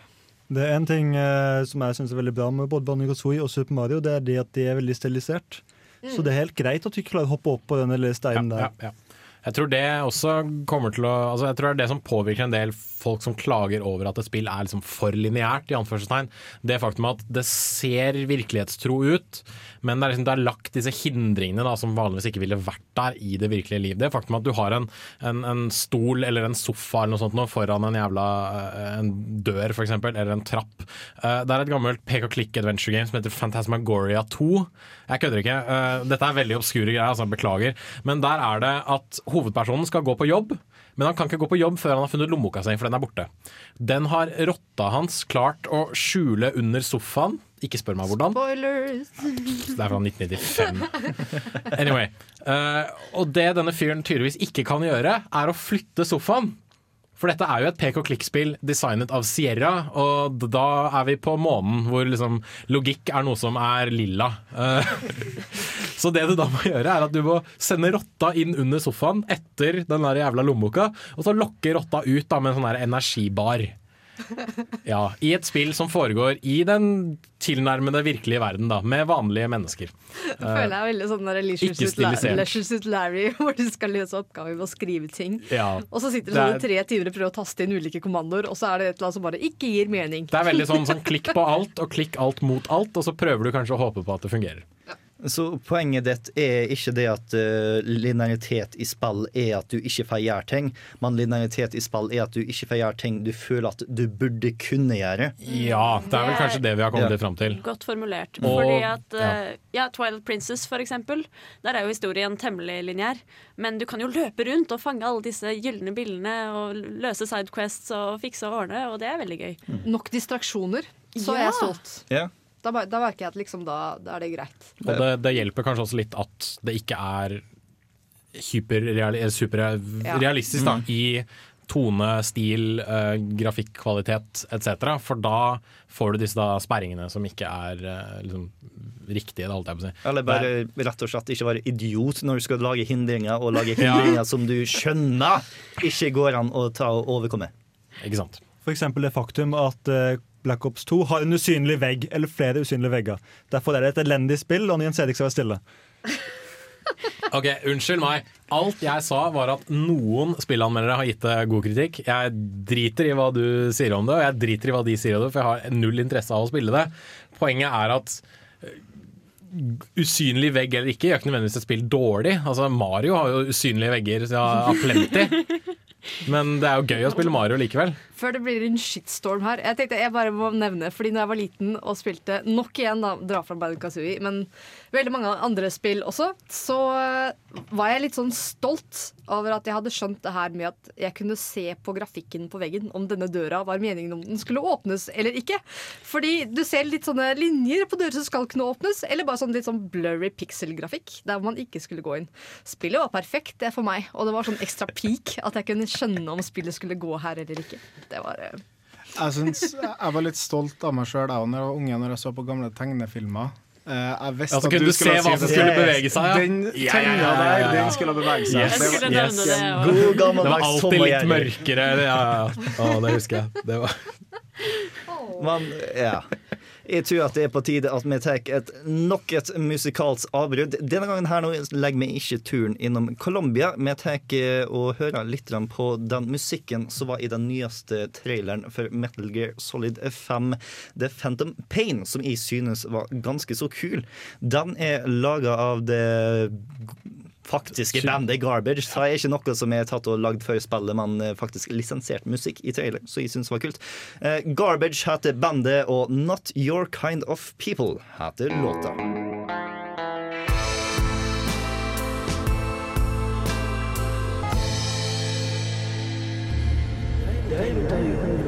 The definition of, of insanity, is insanity is doing the exact same fucking thing over and over again. Doing the exact, doing the exact, doing the exact, doing the exact. Eh, I løpet av denne musikalske pausen eh, så har vi Vel, vi har også en musikalsk pause hvor vi tok og sang litt sånn eh, Queen her nå. Men før den tid så snakka hun Hanna litt sånn om hvorfor Spalma spill med skikkelig frihet er ekstremt interessant for henne. Fordi at hun liker å pushe grenser. Kan du gå litt inn på det? Uh, ja, jeg kan det. Jeg har liksom tenkt litt veldig med meg selv, og de Mm. spillene som jeg liker best, er spill med ekstremt stor frihet i.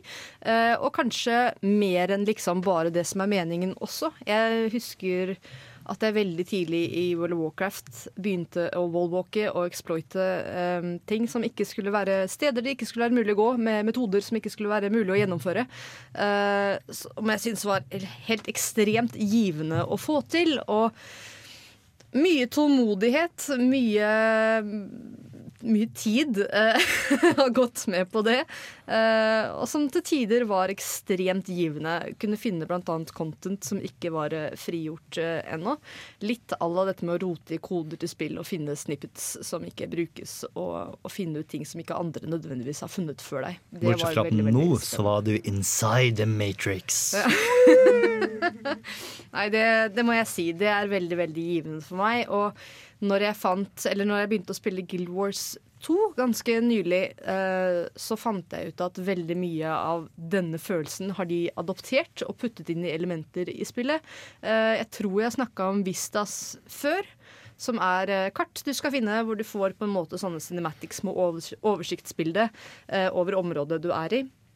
Og veldig ofte er de utfordrende plassert. da. Du må bruke litt list, og du må bruke litt eh, Litt veldig à la dette med exploiting i World of Warcraft da, for meg. Uh, og Det var annet en episode hvor jeg holdt på i en evighet med å klatre opp en fjellside og syntes at det her var superawesome. Det var vanskelig og det var utfordrende. og Holdt på sikkert en halvtime det her. Kom til en plass og tenkte at ja ja, it's been fun, men nå er det ikke mulig å komme lenger. Og på toppen der så hadde da noen plassert da en lapp hvor det sto at har du kommet så langt, kan du sikkert komme litt lenger. Og det var da jeg skjønte at dette var jo faktisk en del av spillet, og ikke exploiting fra min side. Og det syns jeg var fascinerende. Nå har jeg veldig lyst til å gi Hanna en eh, Super Nintendo-emulator og spille Super Metroid. Sånn at hun bare kan sequence-breake og gjøre alt det hun har lyst til å gjøre. Og bare utforske to her heart's content. For eh, der har du mye morsomt å bryne deg på. Jeg har lyst til å ta med til alle byer i Borderlands 1. Fordi eh, jeg pleier å spille med en kompis, og han er litt som Hanna. At eh, han er litt der med litt breaking og det, det du hører når vi tar begynner å spille spill, er liksom ja, du, Har du hørt noe om hvordan du kan breake det her? Det er det han starter med. da. Mm. Så jeg går inn i byen, jeg tar cashen opp til dagen, og så tar jeg og ser meg litt rundt og får nye opp til dag, og så hører jeg bare 'Hei, kiste!' Og så ser jeg liksom Det betyr våpenkiste, som betyr et lut. Og da kommer egentlig alle springende den veien. Men så ser jeg etter han da på kartet, så finner han ikke. Og så ser jeg på skjermen hans, og Hæ?! Hvordan Hæ?! Og det er når de fjerna fra Borderlands 2, da, dessverre nok. Og sin, I Borderlands 1 så var det slik at opp her, gå langs den kanten der, opp på den, så videre. Jeg bare står og ser på han tenker hva i helvete du driver med. Oppe her så møter hun en usynlig vegg, og så kan du ikke gå lenger. Og så hopper den opp der, og så er det en kiste. Og da er det, øh, det er grunnen for at han alltid hadde bedre våpen enn meg, men øh, ja. Mm. Men det er, det ekstra spennende i spill som, eh, som endrer seg hele tiden. Som er livespill som, som på en måte får patches og updates, og som er eh, veldig ofte retta mot å forhindre at sånne ting skal kunne skje. Men samtidig så føler jeg på sitt på sett og vis at de oppfordrer jo folk til å gjøre det også, ved å drive utvikling av spillet sitt på liveservere, når du liksom har Game Master Island, hvor alle disse spennende eksperimentene foregår. Liksom. Selvfølgelig er det fristende å prøve å komme dit på alle mulige måter. Det er, det er eh, teasing of my mind. Nei, jeg kan nesten forestille meg at eh, å ha millioner med spillere som utnytter friheten sin til det fulleste, kan være ekstremt frustrerende når du er programmør og spillutvikler, fordi at du har lyst å ha en bestemt opplevelse, og så kommer de og ødelegger og klarer dette gjennom alle gulvene som jeg klarer dette gjennom i sandbox-spill, og så ligger jeg der nå én kilometer under byen og bare detter evig og alltid. Eh, ja. Eh, og liksom mer frihet du har i spillet, jo større område har du nødt til å ha, og mindre polert blir det, og mer repetisjon blir det også. Så der har du liksom medaljens bakside i friheten.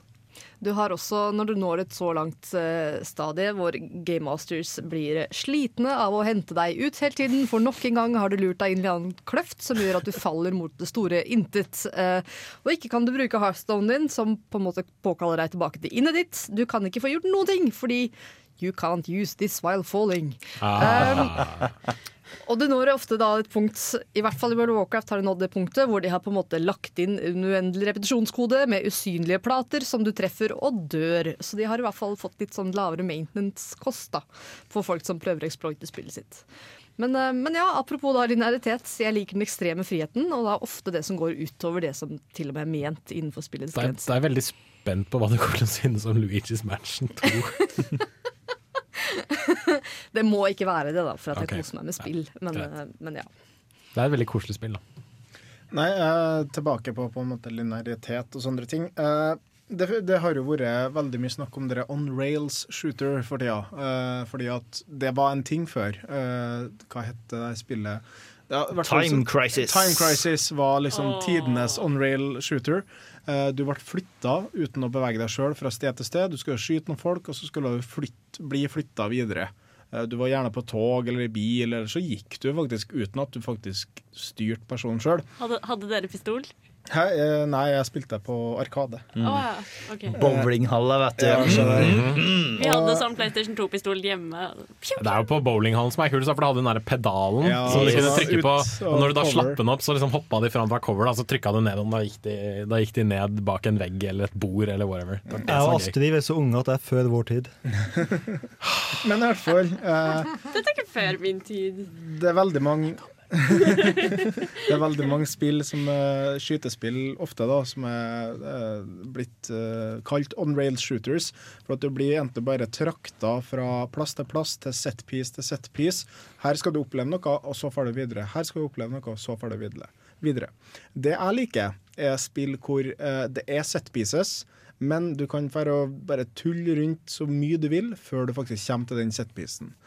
Fallout og sånne eksempel, men der er helt valgfritt om du faktisk gjør opp, eh, den oppgaven eller ikke. Og, men sånne små spill som, Eller ikke små spill, da, men eh, sånne små ting som Final Fantasy, eh, hvor du først har liksom Midgard du, Final Fantasy 7 snakka om nå, Midgard du begynner i. Og så plutselig åpner det seg en helt ny verden for deg når du treffer på da world-mappet, som er liksom overviewen mellom alle byene og sånne ting. Og da kan du gå og bare fære litt rundt og kikke deg rundt, eller du kan fære til neste by hvor neste ting starter. Det med at du liksom ikke nødvendigvis bare kan gjøre den her ene tingen og gå gjennom labyrinten fram til neste ting, eller uh, imot det at du faktisk har en god del frihet, selv om den friheten ikke er mer enn at du bare feirer å surre rundt og drepe noen monster i en liten time. liksom. Det var jo det veldig mange japanske rollespill klarte å gjøre veldig godt før, i hvert fall. Før det ble denne uendelige korridoren som alle irriterer ja, Final seg. Fantasy 12 eh, Nei, 13. 12 var ganske korridor, det også. Kingdom at- Hearts Nei, 1 men- versus 2-eren. Ja, ja. Nei, tolleren var jo MMO, bare Det var for ja, fri, nesten. Relativt lineært det også, vil jeg påstå. Eh, men eh, det faktum at du, du altså, de klarte å hva skal jeg si, skalere følelsen av på en måte åpenhet. Da, eh, Du fikk liksom den, Først fikk du bug-in, og så fikk du flyet som ja, var en ikke, ikke bare det, men så- Først, først så, ut, først så utforska du landsbyen, så Ja. utforska du kanskje det lille området rundt landsbyen. Mm. Så kunne du faktisk kanskje liksom fjerne en stein som blokkerte en eller annen fjellkjede, så kom du til et større område, og så ble det større og større. Og større, og så bare, og nå har du et helt jævla verdenskart. Ja. Hva gjør du nå? Jo, her får du en båt. Ja. Nå kan du seile rundt omkring. Nå er ikke båten godt nok, hva får du da? Jo, da får du et luftskip, og så kan du fly over hele dritten. Så et luftskip er godt nok, og da må du ha en svart romskip. Nei, da må du ha en svart struts. Ja! Eller en gullstruts, for den kan fly. Ja, for det er logisk, det. Men ja, det er sånn jeg liker Altså skalerende åpenhet, Mm. eh, hvor du blir vant med omgivelsene dine, samtidig som du kommer lenger i historien, og til slutt så har du liksom hele friheten. Men det er altså noe det ser ut som om en del eh, vestlige spill på en måte omfavner litt grann nå. eh, fordi da jeg var i Sverige og så Battlefield 4, jeg skryter ikke av det, jeg bare sier det, eh, så sa de jo nettopp det at det er noe de har tenkt å fokusere på i utviklingen av spillet. Det at du starter på et sted som er litt sånn trangt og korridoraktig, og så får du mer og mer liksom se verdenen utenfor, og så blir da den gitt til deg. da. Først så Mm. går du gjennom masse korridorer i en skole, du skyter ut noen vinduer og sånne ting. Så plutselig så er du i en skog. Du er fortsatt litt sånn beklemt, men det er litt mer frihet. Så kommer du til en svær slette, der det er liksom plutselig digert og åpent, og da kan du egentlig gå rundt og gjøre stort sett det du vil, til du kommer til en set piece. Mm. Og det tror jeg er en veldig spennende utvikling eh, i, liksom, i en del spill, da, at du blir plassert et sted, og så klarer du liksom å skalere ut åpenheten. da. Mm. For som oftest i starten så er det veldig viktig at du opplever akkurat de tingene som en tutorial. At eh, du forstår hvordan verden fungerer. Og når du har forstått verden, så kan du utforske og nyte verden. Så fremt det ikke begynner å introdusere masse andre regler og ting. Selvfølgelig, men hvis du introduserer masse regler og ting i sånn eh, 27. time. Ja, da er det ikke godt spilldesign. Hva er deres følelse av eh, måten å bygge eh, frihet til spill på med eh, autogenererte kart og sånn? Med deler av verden som tilfeldigvis settes sammen i ulik rekkefølge for å skape en frihetsfølelse? Altså, jeg tenkte jo på det med en gang, eh, jeg glemte helt av å si det, men det perfekte eksempelet på frihet i gameplay jo Minecraft. Ja, Eh, absolutt. Jeg kom også på det da Hanna begynte å stille spørsmål. du blir gitt en, et verktøy, mer eller mindre. Du er verktøyet, her har du en verden. Gjør Mm. hva faen du vil. Og, eh, men, men det jeg tenker på når det gjelder eh, hva du snakka om, så er jeg mer sånn Altså, jeg, har spilt masse spill hvor det er randomly generated dungeons. Eh, veldig sånne rogelike, som det ofte blir kalt. Og jeg syns det er artig, for at da blir jeg alltid oppno, eh, oppleve noe nytt. Og mange eh, japanske spill har begynt med random battles, som ikke bare er random battles, men det er liksom annet terreng. Eh, det blir en helt ny kamp. Eh, og spill som Disgaea, der kan du nesten Altså, du kan levele våpenet ditt med å fære inn i våpenet, og så slåss på 99 leveler inni våpenet ditt. For å gjøre Altså, våpenet våpenet ditt er en dungeon ja. med 99 Alle nivåer. våpnene dine og alle skjoldene dine, alle, alt, det er dungeons inni dem. Kan du bruke våpenet ditt inni våpenet ditt? Wow. Tror det. Webception. altså, vi- vi- Kan du gå inn i våpenet ditt inni våpenet ditt? What is going on here? Disgaea all Disgaea tror jeg er noe av det mest japanske du får tak i for tida. Ja. Altså. Og plutselig får du hele verden i hodet. Oh, oh, oh. Rocks fall down, everybody dies. Men det som er i hermetegn problemet med Minecraft, er at eh, de som skaper Minecraft, kan aldri ta og lage en historie som de har bestemt. De kan ta og I Minecraft, nei? Nei, de kan ta og putte en hel haug med elementer som gir det mulighet til diverse opplevelser. For eksempel når de putter inn creepers, så vet de at på et eller annet tidspunkt så kommer det til å være i mørkene og høres bak det, og det er det nærmeste du kommer historieskaping fra deres side. Dersom du har lyst til å skape historie i spill, så er linearitet uh, unnecessary evil. Men jeg synes fremdeles at balanse er ekstremt viktig, fordi at en spilldesigner burde ikke se på seg sjøl som en filmregissør, men heller som en jævlig god dungeon master. Var det et stikk til Hideo Kojima? Nei, kanskje. Kan ikke han egentlig bare bli filmregissør? Og Square, bare at de er en sånn B-filmregissør. I hvert fall for tida. Ja, Så forteller de deg ikke alt du trenger å vite. Nei, altså åh, nei. Vær så snill, Square. Bare bli bedre. Bare bli bedre. Jeg får håpe da at det blir sånn, sånn hva skal jeg si uh, Secret of Mana lin 4. Linjeskift, holdt jeg på å si, for Square Mm. nå som han er her sjefen har fått sparken. Forhåpentligvis. Ja, Krysser fingrene for det. Eh, apropos linjeskift, eh, er det noe mer vi har lyst til å ta og føye på linearitet versus frihet? Jeg er egentlig tom. Ja, skal vi ta og si at det er nok for denne diskusjonen? For all del. Ja, eh, da tar vi og hører på eh, nok en låt ifra Bioshock før vi tar for oss ukas spørsmål. Eh, Will the circle be unbroken, Erik? Hva slags låt er det? Uh, Det er den første kanskje Det er nesten mer sang her òg, men det er, det er instrument, yeah. så vi må si låt, Mm. Mikkel. Eh, men eh, i hvert fall, det er den du hører når du kommer opp til Mm. Colombia. Og den er også brukt i en haug med trailere. Det er en veldig fin og rolig og mer sånn stemningssettende låt. Herlig, herlig låt. Så jeg syns egentlig vi bare skal Ja, Denne versjonen her er en aukustisk gitarversjon, sunget av den samme dama som spiller Elisabeth. There are loved ones in the glory whose dear forms you often miss. Hva er favorittspillet ditt? Hvilken Pokémon vil du ha vært? Hvem er den kuleste spillfiguren i Donkey Kong? Hvem ville du vært i Mushroom Kingdom? Hva er best? Assassin's Creed eller Duck Hunt? Hva er det verste spillet du har spilt? Denne ukens spørsmål. Eh, ukens spørsmål er det jeg som står for, fordi at jeg er en nysgjerrig per. Og eh, det er relatert, som så mangt annet i denne sendinga her nå, til Bioshock Infinite. Fordi at Det er eh, kjipt at resten av oss ikke har spilt det, da, men ja, ja. Ja, ja.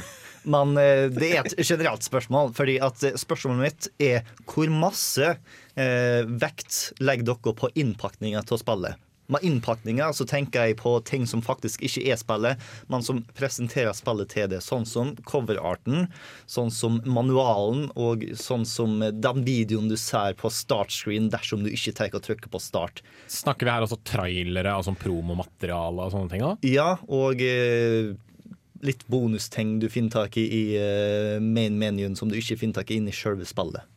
Og baksida på coveret, som jeg pleide å lese veldig mye på da jeg var yngre og skulle lete etter nye spill. Mm.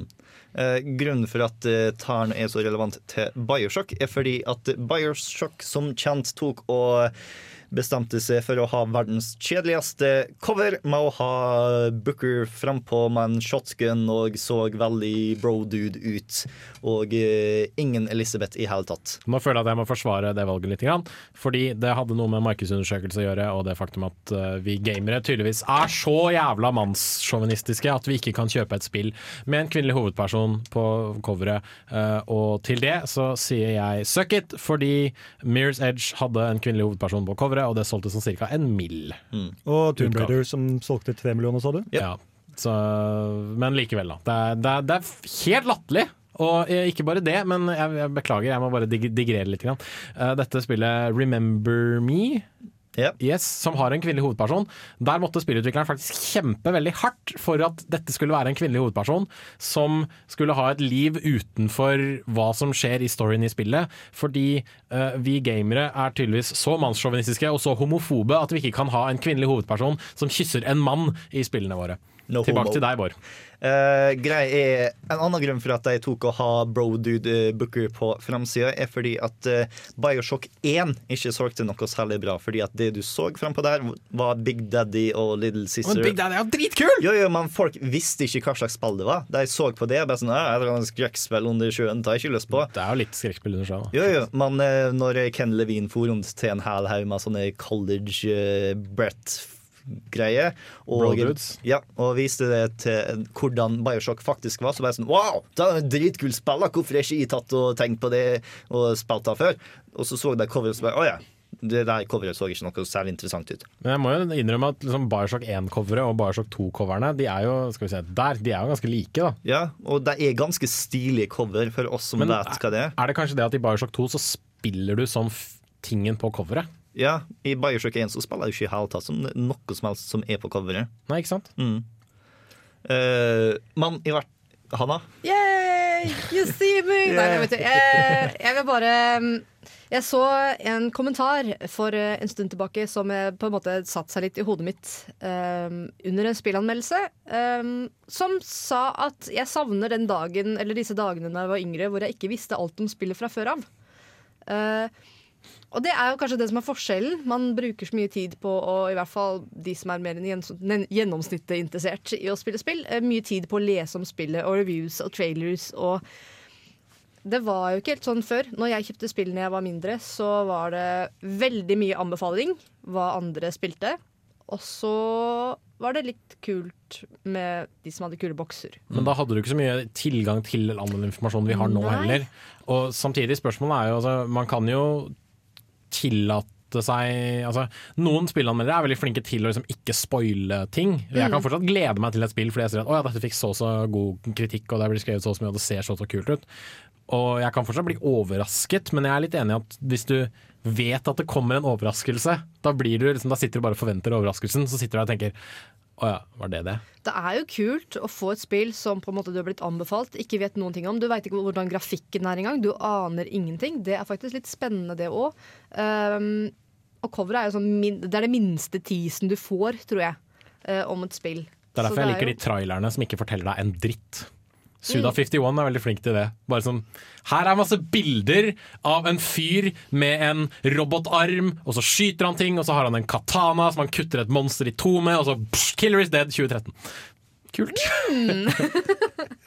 Men ja. Men du har jo også sjøldisiplin, slik som jeg, som ikke har sett noen av reklamene eller noen ting til Bioshock Infinite. Og nå fikk vite alt jeg vet om spillet av uh, Vibe nå nettopp i anmeldelsen. Mm.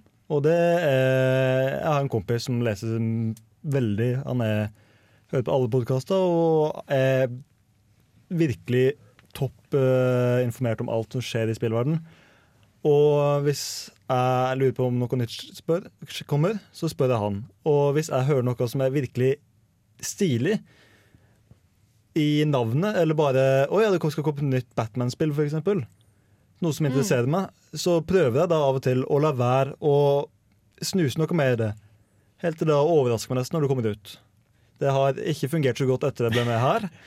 Fordi her får man jo vite alt, enten man vil eller ikke. Men eh, det er veldig mange tilfeller hvor det har, har hjulpet slik at den opplevelsen jeg går inn i, er en overraskelse. Det var det med Dishonored. Mm, men jeg har kjøpt spill på Steam ut fra cover art på sånn eh, holdt jeg på å si, sånn eh, slide, eh, Mm. slideshow-view, hvor eh, tegnestil eksempel har vært veldig veldig interessant for meg. Det har jeg gjort, så jeg vil, jeg vil si ja. Mm. Det har faktisk ganske mye å si. Og eh, hva med når du faktisk har kjøpt spillet, eh, og du tar og plukker ut manualen, og den er spesielt godt laga, eller du har et cover som ser særlig bra ut, sånn som Bioshock Infinite faktisk har. Dersom du tar ut coveret og snur det, og for da ser du som en eventyrbok med songbird på. Nå prøver jeg å holde meg tilbake for ikke, ikke eksplodere i en liten sånn ball av sinne og irritasjon. Men hva faen har skjedd med den gode spillmanualen? Hvor har den blitt av? Jeg pleier alltid å miste den, så jeg er helt fornøyd med det. Nei, men jeg kødder ikke. Det finnes ikke gode spillmanualer lenger. Alt du får, er kanskje en sånn der tresiders liten blekke med en sånn oversikt over kontrolleren. Og kanskje litt sånn der, ja, Her er litt credits av hvem som har lagd dette spillet. Her er kanskje en sånn notes-seksjon. Det er faen meg ingen gode spillmanualer lenger. Det beste jeg visste tidligere, det var å kjøpe et spill, åpne spillet, få den der nye spillukta. Ikke sant? Åh, det stinker plast. Og så bare ta manualen og begynne å lese. Lese manualen, for der står det bios om figurene, det står om gameplay, det står om alt du skal gjøre. Hva får du nå? Jo, du får en sånn jævla kort på én sånn fuckings A3-side. Det er så forbanna irriterende. Enten det, eller en jævlig tjukk blekke av sånn Ikea-produsert dårlig papirmateriale, hvor du har 68 språk, Ja, hvor de skal ja, ja, fortelle deg hvordan du skrur på konsollen din. Og ingen av dem er norsk. Ingen av dem er norsk. Du må lese sånn kvasi-dansk-svensk. Kjøp et jævla Nintendo-spill. Du får det på tre språk. Det er dansk, det er svensk, og det er fuckings finsk. Ah! Det spillet i sist spalte som har faktisk en fantastisk god manual, var eh, Professor Laton 2. Fordi at eh, i det spillet så var det faktisk en gåte som krevde at du tok fram manualen og drog ut den billetten som det har gjemt inni manualen, og løste en oppgave. med å Det er stilig. Sånn vil jeg se mer av. Ja. Men det får jeg ikke. Ja, men du husker før når du måtte ta, sitte ved siden ble- eh, med penn og notatblokk ved sida av for å skrive ned kodene til Ja, ja. åpne, alt mulig. Fantastisk. Nå Å oh, ja.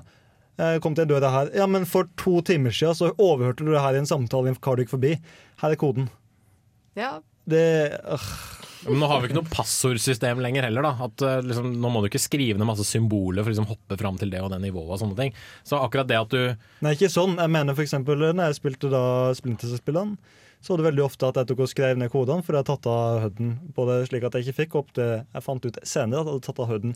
Så det tok bare irriterte meg at i starten at jeg ikke hadde fått kodene fra noen av personene, og jeg hadde tatt livet av alle sammen allerede. Men, men er det noe vits? Har folk blitt for utålmodige til det greiene her? Fordi Kanskje. Når, når jeg var liten, så, så var det veldig sånn Når jeg ikke kunne spille, så kunne jeg liksom plukke med, ta med manualen og lese manualen. Mm. Så jeg glede meg til jeg skulle komme hjem og spille igjen.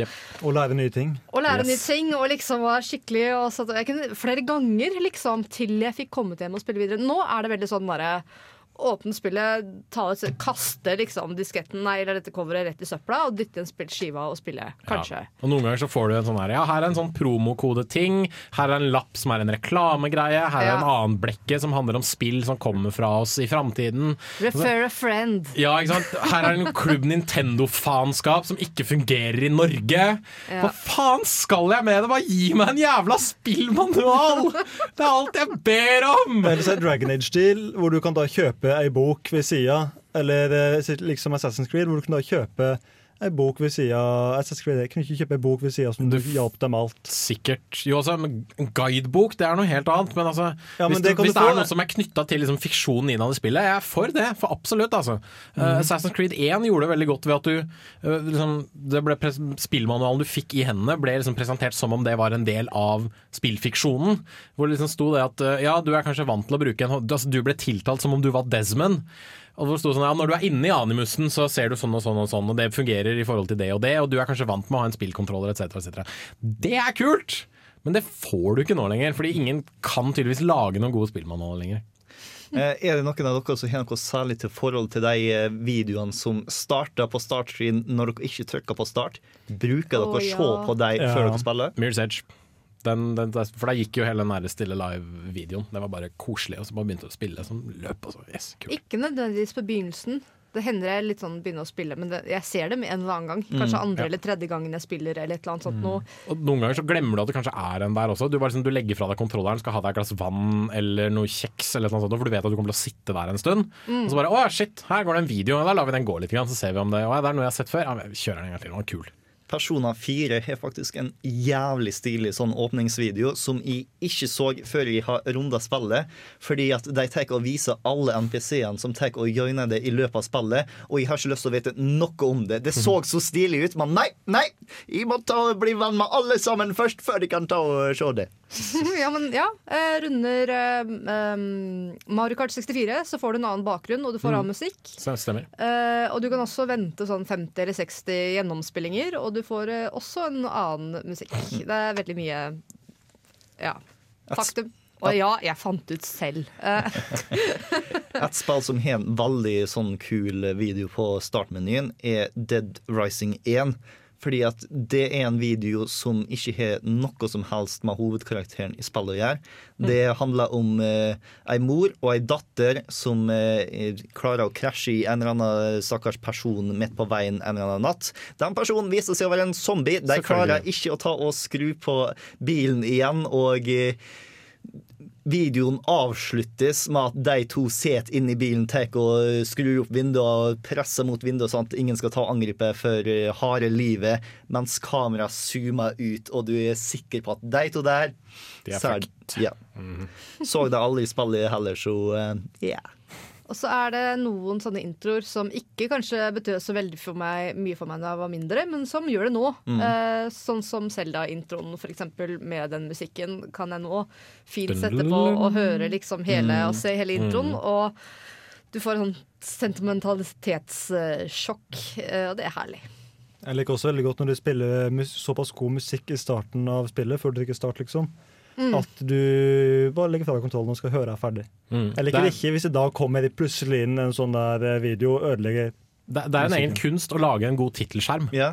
Jeg, jeg Som, er bare er, som, som passer til, til spillet. Half-Life 2 gjør det ekstremt bra, fordi at du får en ny tittelskjerm for hver ny eh, kapittel du er i. Så hvis du da har kommet til Ravenholm, og så tar du og avslutter for dagen, og så kommer du tilbake, så er det Ravenholm som tar og møter deg da du skal ta og begynne å spille spillet. Shadow of the Colossus har også en jævlig bra tittelskjerm. Det er bare stille, rett og slett. Så hører du liksom bare vinden som blåser gjennom landskapet. Mm. Og så er det noen sånne litt sånne toner i bakgrunnen, så ser du kanskje noe som flyr forbi en fugl eller et eller annet sånt. Det, er bare, det oppsummerer liksom hele det spillet. Da. Altså, jo da, du driver og slåss mot de der digre kjempene og sånt, men det er liksom bare stillheten og roligheten med altså det digre landskapet du har foran deg, bare som sier 'vær så god, muligheter', og så skjer det egentlig ingenting i spillet. Men jeg i vi tar og avslutter diskusjonen der, i hvert fall for oss i studio. Eh, Dersom du der ute har en startskjerm, en manual eller et cover du har spesielt lyst å ta og trekke fram, så kan du veldig gjerne ta og dele den med oss på nerd.radiorevolt.no. Eller du kan stikke på Radio Revolt presenterer Kontroll Alt Elite på Facebook for å ta og se på alt vi poster der. Eh, Vi kommer til å legge link til IGN sine aprilsnar eh, fra 2013 og Ego Raptor sin gjennomgang av eh, Megaman X sin tutorial på artikkelen vår på dusken.no slash radio. Eh, Det var alt vi har for dere denne gang. Vi tar og forlater dere med Carbohydro M sin eh, Sweet Memories of Earth, som er en ganske fin trudelutt basert på Moon-låta ifra Ducktales. Ganske passende i og med at Ducktales-remaken er blitt uh, annonsert. Det er kanskje derfor vi har valgt den. For eksempel. Tusen takk for at du hørte på oss denne uka, og vær så snill, kom tilbake neste uke. Ha det! Ha det bra.